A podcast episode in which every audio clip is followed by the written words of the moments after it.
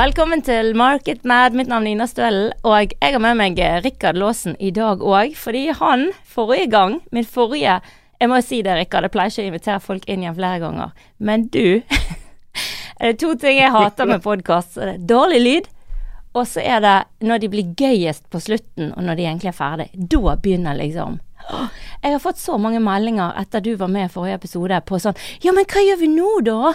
Ja, men Ja, ja, men han kan ikke bare si at vi skal slutte med Facebook-annonsering uten å si hva vi skal gjøre i stedet for. Så du er faktisk her for å gjenopprette liksom energien i alle disse markedsførerne her ute som tenker hva, hva, skal vi gjøre på 2022? For nå hvis vi skal ta et etisk valg, hvis vi skal kalle det det, og slutte med Facebook og Google-annonsering som du på en måte er blitt eh, forkjemperen for her, og dette er blitt din case, altså jeg må bare si så er du med igjen her nå for å, for å hjelpe oss for å liksom når Vi hopper utfor stupet, nå må du gi oss en fallskjerm. Det er egentlig det. Altså, For det første, Ina, så er det veldig hyggelig å være tilbake. Eh, tusen takk for at jeg fikk lov til det. Eh, og det, det, ble jo, det, ble jo, litt sånn amputert sist gang, for det begynte jo et uh, heidundrende fest uh, bak oss. Som du sier, akkurat når det begynte å bli gøy. Det er litt sånn, det er litt sånn dating, dette. Jeg føler at dette er andre daten.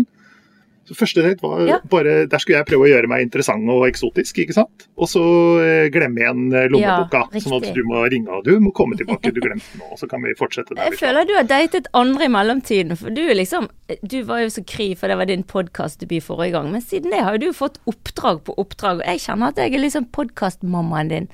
Du er sånn modellmamma, podkastmamma. Ja, eh, jeg takker ikke ja til noe nå uten at Nei. jeg spør deg først. Ja. Og det er 10 av alle podkastinntektene mine går rett inn på din konto. Tusen takk. Bare, jo... bare hyggelig. Vet du hva? vet du hva? Vi sier 15 Ja, ja vi, la oss gjøre det. Det er jo ellers en meget dårlig betalt uh, rolle å ha å være gjest i podkast. So far so, far. så har det ikke vært uh, økonomisk uh, nei. nei. Men hvis du får sånn oppdrag på forelesninger etter dette Nei da.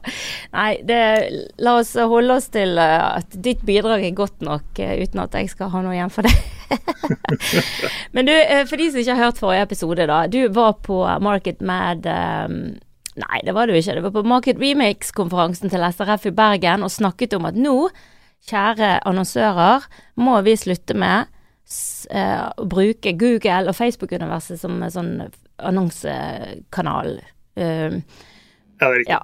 Det, Skal vi oppsummere det kort? Ja, for, for de som bare Hva er det disse to snakker om? Ja. Altså, fordi kort, kort oppsummert så, eh, så, snakket vi da om at Facebook og Google de utgjør en, en, en netto negativ effekt på samfunnet nå. Mm. Altså, Vi kan si utrolig mye bra om både Facebook og Google, og det kommer vi sikkert også til å gjøre i denne episoden her. Men vi kan ikke eh, lukke øya for all den driten de står for. Så da er vi nødt til å sette litt spørsmålstegn med hvor, hvor vi bruker annonsekronene våre. Fordi eh, på samme måte som vi ber forbrukere om å ta et valg med lommeboka, så må også annonsører gjøre det samme. Mm. Vi, vi kan liksom ikke se bort fra at Oi, eh, det var noen uheldige sideeffekter ved det de folka der drev med. Og de uheldige sideeffektene vi snakker om, de begynner å bli ganske voldsomme. ikke sant? Altså, vi snakker om eh, mental helse for unge jenter, økt selvmordsrater. Vi snakker om Trump, brexit, mm. folkemord altså, Skattesnusk. Vi kan, vi kan holde på hele dagen og kaste stein på Facebook og Google, men det trenger vi egentlig ikke. Fordi det, det vet folk nå. Ja. ikke sant? Du, hvis ikke du har bodd under en stein, så har du fått med deg Facebook Papers og disse avsløringene her. Men paradokset er jo at til tross for all denne grumsen som kommer fram, som jo ikke er nytt, dette har vi visst om ganske mm. mange år nå, så fortsetter vi å pumpe penger inn til primært da de to store aktørene i California. Det er to andre aktører som er eh, på god vei opp, som heter Amazon og Apple, men det er et litt annet, eh, litt annet bord. Ja. Men først og fremst da dette, dette, fokuset på at vi er med å finansiere noe som er skadelig og ugreit og uetisk, og det burde vi slutte med. Mm. Og Det var litt dit vi kom ja, sist gang. Vi kom til det etiske veikrysset. Der eh, ja. Hva ønsker du å bidra til, og hvor går pengene, og står vi inne for å være jeg håper å si sponsorer av folkemord, som du sier. Det høres Litt sånn tabloid, ikke sant. Ja. Har du annonsert på Facebook de siste ti åra, da var du med å betale for Trump. Mm -hmm. Litt sånn grovt oppsummert, men men, men der, vi er der, ikke sant? Ja. Eh, kan være vi får noe sånn her eh, vaksinemotstand eh, skyld òg etter hvert. Ja. Vi, I, i år. Det, det, ikke sant? Så Mm. om noen år da, så skal vi se oss tilbake. Og så skal vi si at eh, tok, vi, tok vi et eh, godt valg, eller tok vi et eh, dårlig valg? Og underveis her, så, eh, så Vi kan jo begynne litt eh, med det positive, da. Ikke sant? Fordi det Facebook og Google har gjort, uavhengig av hverandre, men eh, også til dels som samla effekt, det er at de har satt en standard for hvordan annonsører skal effektivt og enkelt kunne nå ut til en målgruppe. Isolert sett så er det veldig positivt, og det har også satt eh, andre aktører under enormt press Ja. til å være brukervennlig, til å ha produkter tilpasset små og mellomstore bedrifter, til å forstå hvordan det digitale økosystemet fungerer, og, og til å muliggjøre markedsføring på en helt annen måte enn før. Sånn, på papiret så er jo det veldig positivt. Ja. Det er i hvert fall en katalysator til eh, De svarer i hvert fall på et behov, da, som annonsører har. Og ikke sant, de, de har blitt kategoriledere innenfor digital markedsføring. Og dermed så har de også definert hvordan den kategorien skal, eh, skal fungere. Mm. En del av de standardene som har blitt etablert eh, på denne måten, er dessverre veldig uheldige. Og de kommer vi også litt tilbake til, for det handler om personvern og bruk av dine og mine data, Mm. som har vært råvaren i dette maskineriet. Men hvis vi bare fokuserer litt på grensesnitt, kjøpsmuligheter eh, og eh, noen av segmenteringsmulighetene, så har de definert nye standarder. Vi snakker om eh, søk. Altså Søk er jo i anførselstegn nytt, det er jo ikke nytt lenger nå. Det har jo eksistert i en 15-16 år. Men måten man kan bruke søk på å treffe forbrukere og kunder langt nede i trakta f.eks., Mm. det, det, det, det har Google skapt. Ja. Ikke, det har ikke Aller eller Skipsted funnet opp, for å si det sånn. Nei. Og det er jo litt besnærende. Altså, det er jo det som er litt deilig med det, da. Sant? At du kan være så spiss og så langt ned i trakten, og at du sitter der litt som en sånn liten gud og bare trykker på noen greier og programmerer og sier legger jeg inn det jeg kaller småpenger, for å virkelig treffe så smalt som du aldri hadde trodd var mulig før, da. Hvis vi treffer. Det får vi håpe på, da. Eh, så det gjør jo litt vondt, dette her, at du nå røsker opp den her halvdøsige, deilige morfinrusen av annonsering, da. Så kommer du med sånn tran og sanasol og skal ha oss tilbake på fornuft og moral og etikk, sant? Ja, men ikke sant? Det er jo superdeilig å reise jorda rundt på et jetfly og spise fra plastikkopper og engangsbestikk, og så bare slenge de over Ja. skulderen, for noen andre kommer sikkert og rydder opp. Du kan ikke holde på sånn. Jeg har Så- tenkt på det der, akkurat det du sier nå. Dette her er bærekraft, altså. Dette må inn på FN sine 18. bærekraftsmål. Kutt ut annonsering på Facebook og Google. For krig og fred og alt på jord, sant? Ja, altså gjør verden til et bedre sted. Slutt å annonsere på Facebook. Dette var en hyggelig episode, takk for meg. Nei, men eh, det, det er jo ikke sant, hvis vi, ser på, hvis vi ser på dette med personvernet, da. Hvis vi begynner med det, Ja. så, så det- er noe som vi, vi kanskje ikke tenker så mye på i det daglige. Hva, hva, hva er dette med personvern og digitalt privatliv?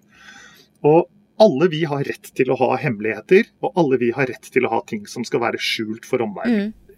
Det- Dette er grunnen til at vi har dører på toaletter osv. Og ved å gi fra oss alle disse dataene, det har, så har vi jo fått noe tilbake.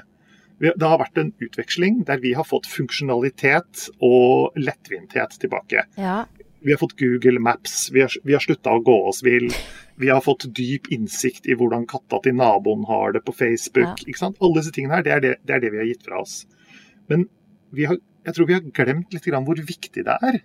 Altså, eh, Dette er grunnlovsfestede rettigheter som vi har tatt og bare gitt bort. Men det som kanskje er enda verre, er at vi har latt barna våre gjøre det samme. Vi som er voksne og dumme, vi, vi får ta litt skylda for våre egne valg. Men vi har altså bygd plattformer som appellerer sinnssykt til unge mennesker og barn. Og så har vi latt, latt dem få ta del i dette her fra den latterlige lave alderen 13 år. Og let's face it, det er ganske mange under 13 år som er på Facebook og Instagram osv., mm. som, som tar del i dette her. Og det fins ikke noe sletteknapp. Det fins ikke noe Nei, det, dette var en dårlig idé. Ja. Så du, vi som eh, Du og jeg, da, som snart nærmer oss 30, Ina, Mhm. vi vet jo at eh, vi, har kunnet gjøre en del ting i oppveksten som vi slipper å bli konfrontert med resten av Og livet. heldigvis for det. Tenk deg å være 16 Nei. år i dag og vite at alt du noen gang har gjort og sagt, ligger lagra hos noen andre. Mm. Det Alt om deg, og eh, ikke bare alt om deg, men også alt om din fremtid er en del av noen andres businessmodell. mm. Der man kan sitte og by på outcomes som du ikke selv styrer. Mm. Det er noe gærent her. Ja, det gir en dårlig smak i munnen. Ja, nå blei det veldig negativt igjen. Ja, men vi må, jo- vi må minne jo- om det, fordi at Ja, vi må, det er jo viktig, da. Ja. Men Altså- det du sa til meg da vi, før, vi, før vi skulle spille inn denne episoden, var at nå, nå må du komme opp med noen alternativer. Så ikke jeg bare blir han derre Han som gir bort eh, kjipe julegaver. Dommedagsprofeten. Ja, og det eh, Selv om jeg for så vidt syns det er gøy å være litt dommedagsprofet, så skal vi også snakke om løsninger. Ja da. Vi begynte jo litt med det, ikke sant? fordi vi sitter som markedsførere, og, og jeg er jo selv markedsfører. Jeg jobber jo med å bygge opp en merkevare og drive, skape verdi for den. Så jeg også må jo ta valg, da. Mm. Eh, der, jeg å, der jeg prøver å ta noen valg med lommeboka. Si at ok, men det jeg kjøper, det støtter jeg. Så der hvor jeg går inn med annonsekronene for min bedrift, Strossel, der skal vi også kunne etterpå si at dette var ikke bare eh, effektiv bruk av penger, men også etisk forsvarlig bruk av Mm. penger. Så hvis vi, hvis vi spoler litt tilbake og sier at de siste altså, Siden tidlig 2000-tallet så har eh, markedsføring i veldig stor grad handlet om annonsering. Vi har snakket utrolig mye om formater og plattformer og programmatiske kjøpsgrensesnitt og teknologi. Og så snakket utrolig mye om måling og effektivitet. Mm. Det, det har vært nesten hele diskusjonen innen marketingfaget. Litt sånn satt på spissen. Men teknologene har fått i veldig stor grad diktere hva marketing skal være. Og Resultatet er at vi har fått eh, utrolig kraftige plattformer, vi har fått eh, budgivning, vi har fått digitale annonsemodeller som bruker data for å målrette og treffe deg på nøyaktig riktig tid og sted med riktig budskap, i hvert fall i teorien. Mm. Men eh, eh, det finnes en eh, sir David Abnott som sier dette veldig godt. Han sier at shit served at the speed of light is still shit. Så veldig mye av det som har drukna da, i den der eh, teknologiske eh, heisaturen som vi har vært med på, har jo vært ting som kreativitet Ja. og merkevare Yes. Og emosjonell tilhørighet. Og Min spådom er at de, neste åra så kommer dette tilbake. Jeg opplever eh, i det jeg deltar i av faglige aktiviteter og konferanser og, og eh, en sånn videreutvikling, det handler veldig mye om brand performance. Det handler om at merkevaren kommer til å få en mye viktigere posisjon innenfor den marketingen når vi nå begynner å snakke om å bygge bygge kommunikasjonskanaler som er eh, etisk forsvarlig. Mm. Og dette, dette finnes det målinger på, dette finnes det forskning på også, som sier at vi som konsumenter vi forventer at merkevarene står for noe. Ja. Vi, vi forventer at merkevarer selv tar ansvar for å være bærekraftige og miljøvennlige. Vi forventer at samarbeidspartnerne våre i business to business opptrer etisk og forsvarlig. Mm. Og Derfor så aksepterer vi også at de kommuniserer det til oss. At de sier dette står vi for. Ja. Og hvis de ikke står for noe, Ja. så finner vi noen som gjør det. Da er det veldig lett å velge et alternativ. Hvis du, hvis du, hvis du står mellom to valg, og det gjør vi som regel alltid i en beslutningsprosess, mm. så vil vi velge noe som har verdier som resonnerer med oss. Og det tenkte jeg at det er, dette er noe jeg syns at vi burde drille litt ned i i dag, Ina. Ja. Fordi i dette så beveger vi oss også ikke nødvendigvis vekk fra effektiv kommunikasjon, men vi kan i mye større grad snakke om riktig effekt Mhm. av markedsføringen. Ja, fordi at forrige gang vi snakket sammen, så sa du at disse her eh, scrollekonsumet av annonser og eh, at vi i liten grad skaper varige konkurransefortrinn i det formatet som går så fort og skal være maks seks sekunder osv. At eh, det kan være en sånn deilig morfinrus, men effekten av det eh, er nok eh, Om du får et klikk, så, så er det gjerne fint, men hvor lenge varer det? Hva, hva relasjon klarer du å bygge med målgruppen? Ja, helt riktig. Og eh, du får kanskje effektiv reklame for markedskronene dine der og da, mm. men den langsiktige effekten blir borte, og da må du jo stadig vekk bruke mer penger da, på å hele tiden drive konverteringer. Mm. Eh, fremfor å bearbeide et publikum som har en interesse for, for ditt budskap, og dermed bygge lojalitet. Ja. Så det vi snakker om her, er jo å bevege oss vekk fra den kognitive oppmerksomheten, altså mm. En visning og en gjenkjennelse. Ja, jeg ser at McDonald's-hamburgere finnes, til en emosjonell lojalitet. Mm. Det vil si, jeg elsker McDonald's-burgere. Ja. Eh, det var et litt dårlig eksempel. Jeg pleier ofte å bruke joggeskoene mine, det har du hørt meg snakke om før. hvor jeg bare Bruk det. Når jeg, når jeg, jeg er helt lik. Så snakker jeg om Nike. Ja. Ikke sant? Altså, jeg vet at Adidas finnes, og ja, det er noe greier som heter Puma men er, jeg kjøper Nike. Ja. Så eh, Og da, du, du, hadde jo også blitt litt utfordra på ja, men hvordan gjør vi dette uten Facebook og Google. Mm. Så kan vi, ikke, kan vi, ikke, bare bruke to minutter på det og si at ok, hvis vi, hvis vi, bare later som at vi tryller de bort Ja, det har jeg skrevet notat på innover. Det kom en ond fe og bare knipset vekk både Google ja. og Facebook. Hva gjør ja. vi da? Hvis, hvis, vi, hvis, vi, bare sier det litt, vi bare later som det ikke fins, og det, det, verste er at eh, jeg behøver jo ikke anstrenge meg så veldig for å komme til det stedet der de ikke fins. Fordi der har jeg, der, der har jeg bodd. Ja. Jeg, har jo, jeg, har jo, levd et liv før internett. Ja.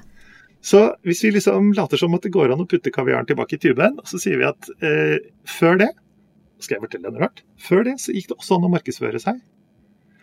Og før det så var det faktisk sånn at god markedsføring ga de som var flinke til å markedsføre seg, et nettopp som du sa, et varig konkurransefortrinn. Mm.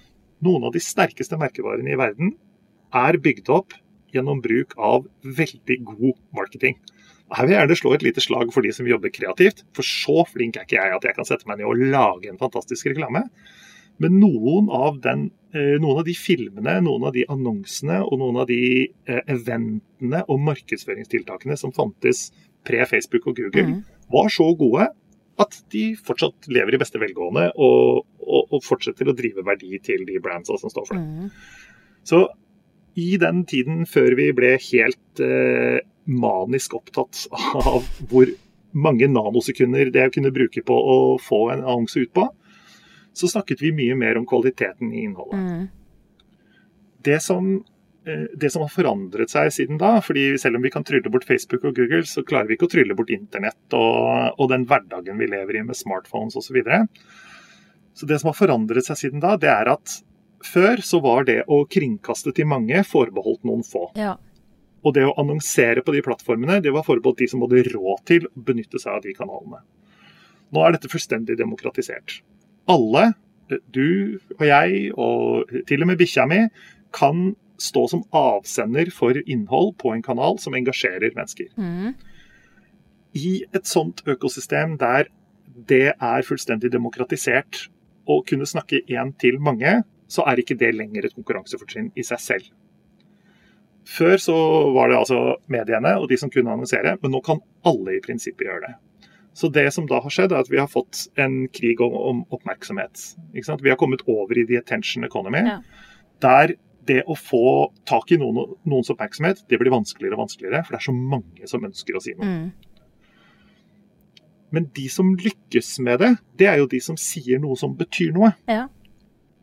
Og da kommer vi plutselig tilbake til verdibasert kommunikasjon. Ikke sant? De som sier at dette står vi for, de vil finne et publikum gjennom de kanalene som man kan kommunisere til mange. Mm. Og eh, mange har jo spurt at eh, ja, hvis du er så imot Facebook f.eks., vil du da bruke tjenesten deres? Jeg er ikke imot sosiale medier. Mm. Jeg bare syns at de folka som driver Facebook, viser seg å være noe skikkelig møkkafolk. som tar dårlige beslutninger, og som når de får muligheten til å ta gode beslutninger, velger å ta dårlige beslutninger gang på gang. Men selve funksjonen sosiale medier er det ikke noe dypest sett galt med hvis man bruker det på en fornuftig måte. Og f.eks. bruke det til å si 'dette er noe jeg står for'. Det, det, kan man gjøre på mange måter. Man kan gå ut og stille seg på en bruskasse på hjørnet og rope det til tilfeldig forbipasserende. Eller man kan skrive en kronikk i avisen, eller man kan uh, lage en feiende flott TikTok-video med sang og dans. Mm. Så det å kommunisere er uh, ikke det samme som å, å støtte Facebook. Ja. Det å gi Facebook pengene sine, det er det samme som å støtte Facebook. Ja. Men da mener du at man skal fokusere på la oss si, å lage en skikkelig god film, da? Og den kan du gjerne publisere på i sosiale medier, men du skal ikke betale for, for spredningen og plasseringen av den det fundamentalt viktigste med marketing anno 2021 og et par år fremover nå, det vil i veldig stor grad være å få oppmerksomheten din til eh, et område der jeg vet hva som skjer. Mm. Personvern er én ting. altså Jeg må vite hvordan jeg behandler dine data, og at de blir behandla på en måte som, eh, som er etisk forsvarlig. Men sekundært så ønsker jeg å eh, bygge opp en relasjon til deg som forbruker eller samarbeidspartner som, er, eh, som det er mulig å vedlikeholde over tid. Mm. Og Det finnes et gammelt uttrykk som er at du skal ikke bygge ditt hus på en annen manns grunnmur. Som jeg har stjålet fra Bibelen, for å gjøre det enkelt. Du gikk helt til Gamle testamentet? Ja. ja. Av enkelte omtalt som den beste content marketing-boka noensinne, men vi, vi trenger ikke gå inn i det. Men hvis du Eh, og det har jo mange bittert eh, fått erfare. ikke sant? At Hvis du bygger opp en following på en annen kanal, bruker bruke Facebook som eksempel, så risikerer du at den blir tatt fra deg over natta når noen forandrer på algoritmen sin. Mm. Men hvis du klarer å tiltrekke oppmerksomhet til dine eh, properties, som det så fint heter, ja. altså Hva kan det være da, for eksempel? Sider, ja, sider. Mm. Nettsiden er et ganske godt sted å begynne. Ja. Ikke sant? Hvis du klarer å trekke oppmerksomhet til deg, Eh, å få det som igjen, hvis vi går tilbake i tid, Seth Goldin skrev en bok som het 'Permission Marketing' ja. for mange år siden. Så er det det vi snakker om. Hvis jeg står for noe og sier noe av verdi til deg som forbruker, så vil du si ja, dette er interessant, du kan fortelle meg mer. Og da kan vi snakke om eh, noen som leser en artikkel du har skrevet, laster ned eh, et eh, whitepaper eller noe annet du har laget, mm. ser en instruksjonsvideo, sier ja, jeg vil gjerne motta nyhetsbrevet ditt, eh, det virker som om du har mye smart å komme med. Mm. Så man får en kommunikasjon som er én til én. Så da går man liksom fra jeg snakker til veldig mange, til jeg får oppmerksomhet, tiltrekker meg den til jeg innleder en én-til-én-konversasjon mm. med deg som samarbeidspartner eller kunde. Ja, og, Men da mest sannsynligvis færre, sant? Til å begynne med? Helt riktig. Og eh, det, det, gamle uttrykket om å, eh, om å skyte spurv med kanon, ikke sant vel, altså, En av utfordringene med, med, digital markedsføring er at det er, det er dritbillig. Ja. Koster jo nesten ingenting å annonsere. Det må være en god så, grunn for det, altså, tenker jeg. Er det, ja, er det en kanon? spray and pray er jo et uh, uttrykk uh, som, uh, som, går inn her. og det er at hvis du, hvis du bare pøser ut med masse kommunikasjon som er sånn halv pris på alt, mm -hmm. og så etterpå så sitter du og måler konverteringer og salg, så, så har du feil budskap, og du måler feil resultat. Hvis vi bruker McDonald's igjen som et eksempel. Hvis jeg går ut med halv pris på Big Mac, kjører på med digital reklame, mm. og så etterpå så sitter jeg og teller hvor mange Big Mac-er jeg har solgt til halv pris, så vil jeg kanskje tro at jeg kan måle effekten av annonseringen min. Mm. Men hvis jeg, kan, hvis jeg er litt smartere enn det, da, så vil jeg kanskje stilt meg spørsmålet med hvem er det som kjøper en Big Mac fordi den er til halv pris? Svaret er de som liker Big Mac. De som allerede vet hvordan en Big Mac smaker, og som kunne godt tenkt seg en Big Mac, som ser plutselig ah, shit, nå er det jo halv pris. Mm. Så da har jeg brukt masse penger på å nå en målgruppe som allerede kjenner utmerket godt til mitt produkt, og som bare trigges av at det er halv pris. Så i realiteten så har jeg subsidiert hamburgeren til innmari mange folk ja. som allerede ville kjøpt hamburger til full pris. Ja. Så hvis vi snur på det, da, og så sier vi ja, hvis jeg går ut med at Big Mac smaker deilig, du burde prøve den i dag. Da har jeg Jeg kan bruke akkurat like mye penger, men jeg vil nå en helt annen målgruppe. Jeg vil nå den målgruppen som ikke vet hvordan en Big Mac smaker, Mm. og som kanskje tenker Tja, den ser jo deilig ut på bildet. Jeg tror kanskje jeg stikker innom og prøver den. Mm. Og da vil jeg jo heller måle effekten av den markedsføringen på hvor mange nye kunder kom gjennom døra på McDonald's-restauranten min. Ja. Og da kan jo heller ikke måleparameteret mitt være antall solgte burgere. Det må være antall nye besøkende. Mm. Og derifra så kan man gå videre. ikke sant? Da har jeg plutselig fått deg inn i butikken. Jeg har vekket interessen rundt min eh, deilige og smakfulle hamburger. Da kommer merkevareleveransen. Mm. For det første så må jo burgeren se og smake deilig ut. Der har vel kanskje mange fått seg en aha-opplevelse på første besøk på McDonald's. Ligner ikke helt på bildet. Ikke sant? Men da, vi, da kommer vi over i brand performance. Da må merkevaren levere på løftet. Og det er jo det som er definisjonen av merkevareverdi. Det er jo et merkevare som evner å levere på løftet gang på gang, slik at konsumenten vet at merkevareopplevelsen blir lik hver gang. Mm. Det er jo her Nike er så fantastiske. Alle skoene til Nike, som jeg ikke er sponset av, er fantastiske. Men vi, vi, kan, vi kan fortsette å bruke hamburgermetaforen en liten stund til. For hvis burgeren skuffer, Ja. da, da opplever vi negativ merkevareeffekt. Eh, Da vil eh, jeg som konsument si til alle mine venner jeg så reklame for, eh, for McDonald's, jeg gikk inn og kjøpte en Big Mac, og vet du hva, det smakte sure sokker. Det var ikke, det var ikke, den så ikke ut sånn som den gjorde på bildet. Jeg ville unngått det.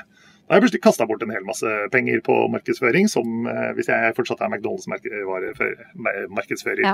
Så, så her må det være en her må det være en avstemning mellom hva er det du som merkevare er i stand til å levere, og for hvem. Ja. Og så tilpasser vi kommunikasjon og innhold etter Ja. det. Ikke sant? Altså, vi går ut med, eh, eh, med annonsering som er forankra i merkevarens evne til å levere, og hvilket publikum de er i stand til å levere til. Mm. Da, da, må du på en måte, da, da snakker vi om marketing som strategi. Ikke sant? Da snakker vi ikke lenger om annonseringen, da snakker vi om det strategiske valget for en markedsfører. Og si dette er det budskapet vi går ut med, for det kommer til å treffe en gruppe mennesker som vi er interessert i å nå. Og vi har definert hvordan vi skal måle at vi når de menneskene vi er ute etter. Mm. Da kommer vi inn på kanalvalg, og da kommer vi inn på annonseringen og metodikken. Og Hvis vi går tilbake til det vi snakket om, at vi har tryllet bort Facebook og Google, yep. så skal vi stille oss et veldig enkelt spørsmål. og Det er Ja. i hvilken kontekst er det jeg prøver å nå folk? Hvis vi tar det, det beste eksempelet jeg vet om på god bruk av kontekstuell markedsføring, Mm. er Snickers. Snickers ser klin lik ut. Har smaker klin likt som den alltid har gjort. Og har en veldig lett gjenkjennelig innpakning som du ikke kan ta feil av. Men hva er det Snickers eh, markedsfører seg som? The hungrier snack. Mm. Er du litt sulten, ta en Snickers. Her er konteksten veldig enkel. Sulten er lik Snickers. Og når du ser en Snickers, så tenker du ikke på Jeg lurer på hvilken kombinasjon av peanøtter og karamell de har. Altså, Du tenker bare sult. Snickers. Ja. Det, ikke sant? Så det er et veldig enkelt merkevarebudskap som er lett gjenkjennelig Mm. og går igjen som en rød tråd i merkevareløftet Ja. til Snickers. Jeg tror at alle, alle vi, vi trenger ikke gå ned i liksom purpose og visjon og misjon her, men alle som selger et produkt eller en tjeneste, har en idé om hvem som skal kjøpe dette produktet eller tjenesten, og i hvilken sammenheng Mm. de skal gjøre det. Masse spennende bøker om dette. 'Jobs to be done' Ja. og alt dette. Ja. Men hvis du, hvis du vet det enkle på en måte settet av regler, hvem er det som skal kjøpe, og i hvilken sammenheng er det de skal kjøpe dette her, Mm. da gir egentlig kanal og en del sånne ting seg, seg litt seg sjøl. For da, igjen, vi har tryllet bort Facebook og Ja. Google, så vi kan begynne å snakke om ok, hvor når jeg, og hvordan engasjerer jeg. Du, du driver jo selv et, eh, et selskap der du sier at du har B2B-kunder. Mm. ikke sant? Så du ønsker å nå eh, profesjonelle på en måte som skaper troverdighet og engasjement rundt ditt budskap. Produserer du godt innhold som dokumenterer resultater, og distribuerer det til dine kunder i en kontekst der de er mottakelige for det budskapet, f.eks. på LinkedIn, f.eks. på eventer, ved å være vert for dine egne konferanser, ved å produsere fantastiske podkast, sine, da er du godt i gang med å bygge opp en troverdig markedskanal som appellerer til den målgruppen du snakker om, uten at du har tråkka noens personvern på tærne eller vært med å finansiere noe du ikke kan fortelle barnebarna dine om. Ja. Men hvis du hadde vært eh, merkevaresjef for Snickers, da, hvilke kanaler velger du da, eller hvilke situasjoner vil du da plassere deg i, i denne Hunger Game? The Hunger Game. Det, det blir en ny sånn TV-serie fra Netflix. Drakk du deg av Snickers? Så jeg vil jo sponsa den med en gang. ja. Nei, men her, her er Snickers vært, uh, vært, gode. De har produsert uh, til dels morsomme og artige videoer av eh, folk som er sultne, ja. som ikke er så ålreite. Jeg ser for meg de der rugbyspillerne med hun derre Dynasty. Ja, John Collins. Ja, ja. Det er bare brent seg fast. Jeg vet ikke, det er sikkert 15 år gammel reklame, men ja en, en, en pre-Facebook-reklamekampanje som var effektiv, mm. vil jeg tro at uh, vi kan kalle det. Mm. Eh, og så er det plassering i butikk. Altså Kanalvalg mm. er jo in store for Snickers. ikke sant? De skal være synlige med en gang du kommer inn. og De skal eh, ta frem merkevareløftet sitt for å presentere det på en effektiv og god måte. Og da spør de rett ut. Er du, er du litt sulten nå? trenger, trenger, ikke du en snack? Mm. Det viser seg at påfallende ofte så er svaret jo, akkurat nå trenger jeg faktisk en snack. Det gjelder de fleste av oss hele tiden. Ja, da, da, da, er jo merkevareløftet uh, umiddelbart. Ja, men altså, jeg hører de rundt meg nå som sier ja, men de er jo sånn verdensledende og megabrand, og det er så lett for de, og de har jo tort å velge én ting å stå for, sant, men jeg er jo en liten norsk produsent av et eller annet uh, næringsmiddel og syns dette er urettferdig, for jeg har ikke penger til TV 2-reklame. Ok, vi kommer tilbake, La oss ja. komme tilbake til budsjettene om et okay. lite øyeblikk. Fordi, fordi det, det, er også et issue i seg selv som, eh, ja. eh, som vi må adressere. Men eh, Eh, ok, Nå er jo ikke jeg her for å drive reklame for egen kanal, Nei, men jeg skal bruke Strossel som et ja. eksempel, og Kobler som et annet eksempel. Du skal eksempel. få lov, siden jeg har kvelt deg gjennom to episoder. Tusen takk. Hvis vi sier at hvis vi, vi, vi fortsatt er enige om premisset om at eh, markedsføringen skal gjennomføres på en etisk forsvarlig, bra måte. Ja. Men den må, den må, fortsatt levere resultater. Mm. Jeg må fortsatt tiltrekke seg oppmerksomhet til mine sider. Så er vi tilbake til dette med kontekstuell plassering.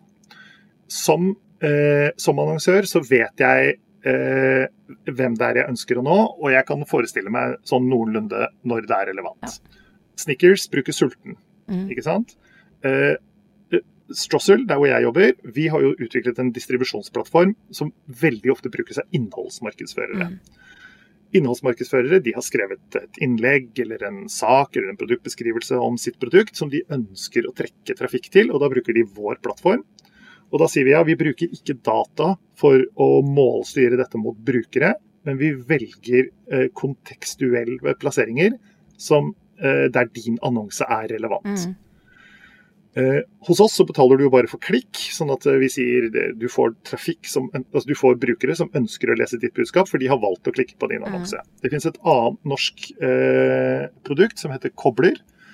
Og Kobler de bruker eh, kontekstuell plassering av annonser, altså display-annonser. Ja, det vil si at når du går inn på en nettside, så får du ofte opp en annonse, og den annonsen den har som regel ingenting med innholdet å gjøre. Mm. Fordi annonsen er solgt til deg basert på dine persondata, mens innholdet det er skrevet av en journalist og en redaktør som ønsker å formidle noe. Mm. Og den der disconnecten der, den gjør ofte at du som regel opplever den reklamen som utrolig uinteressant. Ja, For du er inne for å lese om eh, politisk eh, nytt og statsbudsjettet, og så får du reklame for eh, vaskemaskiner fra Elkjøp. Bare, ja. Det har ikke noe med meg å gjøre. Så det Kobler gjør, er at de, eh, de lar deg velge søkeord og fraser, altså stikkord, som går igjen i artikkelen, mm. slik at artikkelen og annonsen oppleves som relevant. Yeah. Og Det er jo litt det Strossel også gjør. Vi putter våre, eh, våre annonsører inn i et anbefalingsvindu, der vi anbefaler redaksjonelle saker og kommersielle saker basert på den samme algoritmen. Så ting som vår algoritme tror at vil være relevant for deg. Mm. Og Dette er to eksempler. Eh, det finnes mange eksempler på dette internasjonalt også. Eh, det finnes eh, søkemotorer som DuckDuckGo og Bing osv. som utelukkende bruker søket for å komme med relevante anbefalinger, og som ikke lagrer søkehistorikken for å gi deg noe som Google mener at det er større sannsynlighet for at du vil kjøpe. Mm. Så det fins mange måter å bygge opp synlighet. Så er det sånn at den målgruppen som er på Facebook, spesielt på Facebook, ja. Den er i en kontekst der eh, veldig mange av Facebook sine brukere er på Facebook fordi de kjeder seg. Fordi de egentlig driver med noe annet, mm. fordi de er på trikken, fordi de sitter på dass. Altså den type kontekst. Veldig sjeldent et utrolig kraftig kjøpsgrensesnitt. Ja. Av og til. Fordi man i mangel av noe bedre å gjøre kjøper et eller annet som du fikk annonse for. Men da er vi på spray and pray igjen, ikke sant. Mens eh, norske medier, norske mediehus, de er veldig ofte eh, steder med høyere engasjement. Artikler leses, det konsumeres nyheter og innhold på en helt annen måte. Og den konteksten er merkevaresikker og trygg. Mm.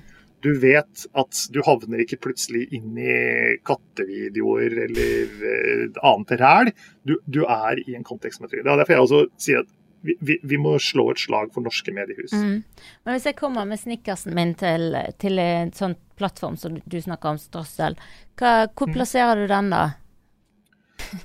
Da, eh, ok, Hvis vi fortsetter å drive reklame for, for eget eh, produkt et lite øyeblikk. Altså, hvis, du, hvis, Snickers kommer til oss og sier vi har skrevet en fantastisk artikkel om eh, hvor mye lykkeligere du blir av å være mett, kontra hvor sur og grinete du er når du er sulten. Ja. Ikke helt usannsynlig. Hvis dere hører på Snickers, så er det bare å ta kontakt. Mm -hmm. Så ja. vil vi distribuere den i vårt partnernettverk, og det er utelukkende norske, eh, norske publisister vi jobber med i Norge. Og så jobber vi også i Sverige og Finland og Danmark osv., men vi jobber med eh, mediebransjen lokalt. Ja så lager vi en, eh, en eh, native-annonse for denne. altså Native-annonse betyr at annonsen ser ut som en del av det redaksjonelle miljøet. Den er fortsatt merket med annonse. Mm. Så er kanskje da overskriften eh, 'Blir du sur og grinete av å være sulten?' Eh, her, her, er en effektiv måte å bli kvitt ubehaget på, ja. f.eks. Ja. Det var en litt fjollete overskrift, men du skjønner hva jeg mener. Ja. Så distribueres den nederst i artikler der eh, vår algoritme, vi også er algoritmestyrte, vil mene at det er en stor sannsynlighet for å treffe en bruker i riktig kontekst. Mm. Så kan man i tillegg legge på noen filtre. Jeg kan si at jeg ønsker bare å nå folk på mobiltelefonen. Jeg ønsker bare å nå folk mellom klokka tre og klokka sju, når folk er sultne. Ja. Og jeg vil bare nå folk i regionen Oslo, mm. bare for å gjøre det enkelt. Så da vil selvfølgelig annonsen bare være synlig for den gruppa. Og så kan du i tillegg si de som er interessert i sport. Mm. Og da er vi inne på det som, på en måte, da begynner vi med segmenteringen basert på interesse og engasjement. Ja. ikke sant? Da sier Snickers vi ønsker å nå de som er interessert i sport, eller vi ønsker å nå de som er interessert i mat. Vi ønsker noen av de som er interessert i bil. Mm. Og da eh, vil vi, og her er jo vi og Kobler like sånn sett, ikke sant? da vil vi skanne artikkelen for relevant informasjon. Og så vil vi mate det inn i ad-serveren, som plasserer annonsen i riktig miljø. Mm. Og denne type tjenester den er, den er tilgjengelig på tvers av veldig mange aktører. Eh, de fleste programmatiske kjøpsgrensesnitt har det. Eh, Skipsted har det, Aller har det. Amedia, altså, det, er det liksom Amedia. Der, ja, der, kan du, der, kan du, velge den konteksten som er relevant. Ja. Og det vil veldig ofte handle om stikkord i artikkelen eller i URL-en, altså i overskriften som, eh, som ligger i nettleseren. Ja. Men hvis det skal være litt sånn kritisk, da, for det høres jo det besnærende og deilig ut, alt det der. Men eh, det føles jo som det er langt vekke. Vet folk hvor de finner disse plattformene? Eh, jeg, jeg vil litt sånn eh, ikke Har dere ikke annonsert nok på Facebook? Nei. Å, det var eh, Det var, ja, det, det var, teit. Men, eh, Nei, men, du, men, du skjønner hva jeg mener. Altså, jeg tror jeg jo at mye av det du sier Altså, de, de som er, er, faktisk sånne som driver og annonserer aktivt og er liksom ansvarlig for det i et større firma, de vet jo om disse tingene. De har helt ja. sikkert avtaler med både Amedia og, og Strøssel og sånne Jeg håper å si eh, systemer som fins. Men så tror jeg det der Der er Facebook og Google bare De bare raker inn sånn mm. SMB, smått og stort, I, dårlig og godt. I fjor så var det jo eh, jeg, jeg, er jo ikke førstemann i verden som har tatt til orde for en boikott av Facebook. Neida, jeg eh, og I fjor så var det jo en uh, boikott av Facebook. eh, I fjor sommer. Ja. Og Eh, resultatet av den boikotten, der eh, noen av de absolutt største annonsørene i verden, Procter Gamble, Coca-Cola, eh, mange av de store, sa ja, vet du hva, dette dette er ikke greit. Vi, mm. og da var det jo valgfusk som var, som var på en måte det underliggende faktoren. Mm. Så de trakk, holdt tilbake annonsekronene sine. Og i den perioden så, hold deg fast, da økte omsetningen til Facebook. Og det er nettopp fordi det du er inne på her nå, de har klart å tiltrekke seg en annonsørgruppe som opererer med veldig små budsjetter mm. og er lokale småbedrifter. Og Det var litt det vi skulle komme tilbake til, og dette med budsjettet. Ja. ikke sant? Fordi her er noe av det som faktisk Facebook og Google har klart å tvinge gjennom endring i, eh, i alle plattformene. Vår egen inkludert, men også av Media og Skipsted f.eks., som du nevnte. Mm. Der det før var sånn at du måtte ringe og kjøpe en helside, og så sende den med faks eller brev. Og så få den på trykk. ikke sant? Mm. I den gamle tida der det å kommunisere til mange var dyrt og vanskelig, så har disse plattformene også nå i veldig stor grad utviklet produkter som er lokale. Ja. Som ikke har noen budsjettbegrensninger. Du kan annonsere for veldig få kroner. Mm. Og du kan nå effektivt ut eh, til et miljø eller til en gruppe uten å måtte gå via Facebook eller Google. Mm. Så her vil gjerne, her vil jeg gjerne snakke opp uh, kollegaene mine i, i, mediebransjen. Det har skjedd utrolig mye på den teknologiske siden ja. hos norske publisister. Men det gjelder også radio, og det gjelder kino. Mm. Så Det gjelder kanaler der du kan treffe brukere i en kontekst som du selv kan være med å påvirke. Vi vet at radio brukes veldig mye i bil, vi vet at det brukes mye i kontorsettinger. Mm. Kino er en helt egen, helt magisk setting. Mm. Der du når en gruppe og du får oppmerksomheten deres på en helt annen måte. og Hvis du klarer å bruke den kanalen effektivt. Event mm. er, en, er en annen mulighet. Altså, for få år siden så var det sjeldent at det skjedde noe særlig i Norge. Nå syns jeg jeg kan gå på konferanse, foredrag, seminar, webinar hver eneste dag hvis jeg vil. Mm. Og det er avsendere og innhold eh, som blir produsert for disse ulike eventene, som vil, hvis markedsføringen er gjort riktig, tiltrekke seg min oppmerksomhet og holde på meg som bruker. Og terskelen for å ta eierskap til og initiativ til disse tingene her, den er noe helt annet enn den var før. Før så måtte du sponse det ene eventet eller det ene arrangementet som var, og det kosta en formue. Mm. I dag så kan du enten gjøre det selv, eller du kan i samarbeid med noen komme deg inn i en setting der du virkelig kan kommunisere. Vi så jo det på, eh, på Market Remix i Bergen, ikke sant. Mm. Er et rom fullt av markedsførere og mediefolk, og i foajeen utenfor et rom fullt av bedrifter som hadde et verdiforslag til den målgruppen. Mm. Det er kontekstuell marketing på en utrolig effektiv måte. Nå vet ikke jeg hva SRF eh, flår samarbeidspartnerne sine for. Altfor lite. Altfor lite. Men ikke sant? Da, da, snakker vi om å treffe og engasjere en målgruppe og få kontakt på et personlig plan som ikke noe annonse eller banner kunne gjort mm. for deg. Ingen scrolling hadde klart det. det er per visning. Nei. Og, hvordan, og da er vi tilbake til det vi snakket om i stad. Hvordan måler man effekten mm. av dette her? Ja, du måler det ut ifra hva slags engasjement du klarer å skape. Mm. Reklame bør skape engasjement, hvis ikke så blir den bare glemt. Og det engasjementet, det bør lede til trafikk til dine eh, sider, til ditt område, til ditt domene. Ja. Og der kan du begynne å utvikle en relasjon som blir varig med kundene dine. Mm. Og da vil de kundene også bli dine ambassadører. Mm. Da vil du få positiv word of mouth. Da vil du få folk som meg som sitter på en podkast og snakker om hvor fantastiske Nike-sko er. Ikke sant? Er Igjen, Nike, episoder. dere må ringe meg. Send penger. Ja. ja. ja. Jeg føler liksom Nå slutter vi på et sånt uh, fint sted.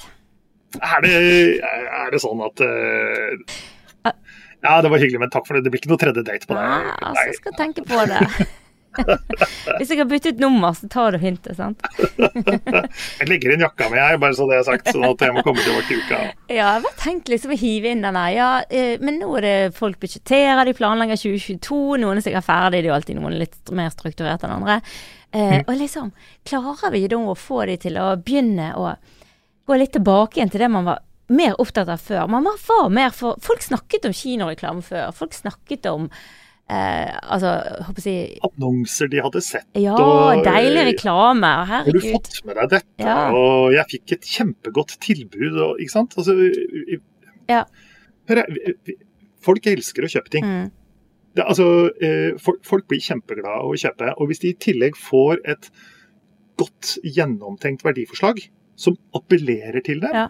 da, da, da, da, blir jo folk utrolig glad. Hvis du bare pøser på med 'kjøp her, klikk her, gjør dette nå', mm. så, så, blir folk bare sur. Og det, det, det, er det jo forskning på, at folk blir ulykkelige av økt kjøpepress. Men folk blir glad for å føle tilhørighet. Vi mm. er, vi er, vi, vi er mennesker som trives best i grupper. Og ja. vi trives best sammen med folk som, som deler interessene våre. Og det, det, grunnleggende feilen med veldig mye av datastyring er at den handler om historiske data. Ja. Det du kjøpte i går. Hvor du bor, hvem du er gift med, hvor gammel du er. Ja. Alt, alt, det er jo data sett i, sett i speilet, ikke sant. Det vi, det vi, ønsker å gjøre, er jo å påvirke folks fremtid på en måte som er positiv og engasjerende. Mm. Og da må vi snakke til fremtiden. Da må vi snakke til det som skaper og bygger engasjement. Og så, Nå høres jeg ut som jeg selger nettsider, det gjør jeg ikke. Men det er utrolig mye veldig dårlige nettsider der ute. Som ja. når du da bruker masse penger for å drive trafikk inn. Her skal jeg være litt forsiktig, kjenner jeg, for her kaster jeg kanskje stein i eget glasshus. Men hvis ikke nettsiden eller den kontakten som du inviterer folk til, da, hvis ikke mm. den svarer på, på det folk lurer på, eller gir de muligheten til å kjøpe eller interagere eller laste ned eller mm. bli venner, da, da taper du det. Da, da, det er grunnen til at folk liker å like på Facebook. ikke sant? Mm. Ja. For da har du sagt ja, dette liker jeg. Men du har egentlig bare sagt det til Facebook, du har nesten ikke sagt det til bedriften. Ja. Gi folk muligheten til å, til å, fortelle deg hva de syns på, på ditt eget domene. Mm. For da har, du, da har du et bra utgangspunkt for den kommunikasjonen. Ja. Men jeg tror jo òg at uh, det kommer nye ideer som er litt sånn gøye med, med, bruk av disse nye kanalene. Nye de er jo ikke noe lenger. Men men jeg vet ikke om du hørte den lanseringen av den nye singel til Måneskin. Eh, så har de invitert eh, 100 eh, sånn TikTok-ungdommer da, på egentlig sånn lanseringsparty. Eh, vær så god, kom inn, vær de første som hører denne sangen, og lag videoer. Sant? Ja. Den er jo litt cheeky, men altså, det er så effektfullt. Da har du liksom eh, De syntes det var kult å få være der, de fikk komme på den festen. Alle elsker å lage det innholdet. Eh, og så får de da most ut den sangen så bredt så de aldri hadde klart sjøl med sin egen nettside, da, for å si det sånn. Men det er masse altså, gøye ting som kan du gjøre. Det er, det det er utrolig mye ting, man kan gjøre som er kreativt og morsomt. Og den ideen der Jeg mener, jeg hadde ikke hørt om den før, men eh, jeg kan fortelle hvem de har stjålet den av. Ja. For det, det, de har gjort, er at de har, rappa, de har rappa ideen til uh, kampanjer som Toshiba og Intel, som er to veldig lite sexy ja. merkevarer, gjorde for noen år siden med The Beauty Inside. Hvis du har tid og lyst, så går du inn på, jeg, jeg på YouTube. Gå inn på, Safari gå via en trygg browser, og så søker du opp uh, The Beauty Inside med Intel, som er en helt nydelig stykke content marketing ja. som fikk pris i Cannes. Som handler om en fyr som hver dag våkner opp med en ny personlighet og prøver å sjekke den samme dama. Og det som skjedde med den serien, var etter hvert så kunne alle uh, spille han fyren. Ja alle kunne være en av de identitetene han våknet opp i en ja. dag. Og den også fikk den effekten av at folk sendte inn eh, sine egne på en måte små episoder. og så ble det Kjempesøt, kjempesøt film. Eh, serie med filmer er det. Ja. ja det var eh, litt beside the point. Jo, men vi trenger litt sånn, eh, litt sånn deilig inspirasjon. Vi tar den ja, men, ikke sant? Ja. Og det er det som er poenget, at de tingene som er gjennomtenkt, og som, som du føler eh, at ja, dette, dette, engasjerte meg, mm. det husker du. Mm det, det, påvirker oss som eh, mennesker. Og eh, jeg kan treffe voksne, unge, gamle osv. Hvis de har sett den filmen og syns at den var bra, Mm. da, da har jo vi noe til felles. da. Ja. Og det, Nå er ikke jeg verken Toshiba eller Intel-kunde, men jeg, jeg skal love deg at jeg fikk en annen relasjon til den Det merkevaren. blir i hvert fall mer positiv. Jeg har et uh, veldig bra case som jeg vil gjerne nevne for deg, som jeg, min kollega Mari uh, kom med. Hun så en reklame for, eh, for Jernia, Mm. der Jernia sa at du trenger kanskje ikke en ny stekepanne. Ja. Ikke sant? Men hvis du trenger en ny stekepanne, eller den gamle du har er trøtt og sliten, kan du ta den med til Jernia, og så skal vi sørge for at den blir ekspedert på en ålreit måte. Ja. Et budskap som egentlig ikke handler om å selge stekepanner, men som handler om at Jernia er et sted hvor du kan levere inn den gamle stekepanna di. Mm. Eh, Som eh, for, for Mari sin del, og for andre som bryr seg om kjøkkenutstyret sitt, har blitt sånn Nå ønsker jeg meg en ny stekepanne, den skal komme fra Jernia. Men, Ja. For de tar dette alvorlig. Jernia har sagt at de står for noe. De har kommunisert det på en utrolig enkel måte. En bitte liten annonse. Med bare, det begynte som en pressemelding. Vi tar nå imot stekepanner. Mm. Og så har det blitt til noe som en helt stor gruppe mennesker kan føle litt til. Ja. Det trenger ikke å være vanskelig. Nei. Bare, og det trenger ikke være, du trenger ikke være Snickers eller McDonald's eller Patagonia eller noen av de store merkevarene. Mm. Du kan gjøre det enkelt, du kan gjøre det lokalt. Du kan supportere det lokale fotballaget ditt. Du kan ta initiativ til at det blir ryddigere og hyggeligere i miljøet rundt deg. Du kan vise at du er til stede for lokalmiljøet ditt. Mm. Plutselig så har du skapt engasjement som er, eh, som er noe som er vedvarende. Mm. Nydelig. Vi, skal, vi, eh, vi ender på verdibasert istedenfor. Du, Rikard. Det er bedre sted å slutte. Ja, vi kunne hatt en sånn egen kanal. Tror vi sjøl, da. Det er det verste. Det verste er at idet du sier det Nei, Nei. det tror jeg ikke. Nei, Nei. eh, Pluss at dette med hodetelefoner, det, var, Ja, det- ble klamt og ja, varmt. ja, det var skikkelig uh, 1999. Du, eh, jeg må bare takke igjen. Jeg eh, fikk jo ikke introdusert deg heller skikkelig, men du er Chief Marketing Officer i Strossel og heter Rikard Laasen. Ja, Bare hvis noen en... ikke vet det nå, så må de skjerpe seg. enda en skjeggete utlending i mediebransjen. Ja, Ja, ja, sånn er det. ja sånn er det. Vi trenger de. Eh, og de som syns dette var gøy, så kan de høre forrige episode der du er hakket mer amper og eh, med, med godlynne, da. Om der du bare hiver både Facebook og Google under bussen og kjører frem og tilbake. Ja, de folka der, altså. Ja, nei, vi skal ikke begynne med det. Du, takk for praten. Vi uh... Takk igjen, Ina. Veldig hyggelig. I likeså. Ha det godt. Ha det bra. Ha det. Mainstream. Mainstream. Mainstream. Mainstream. Mainstream.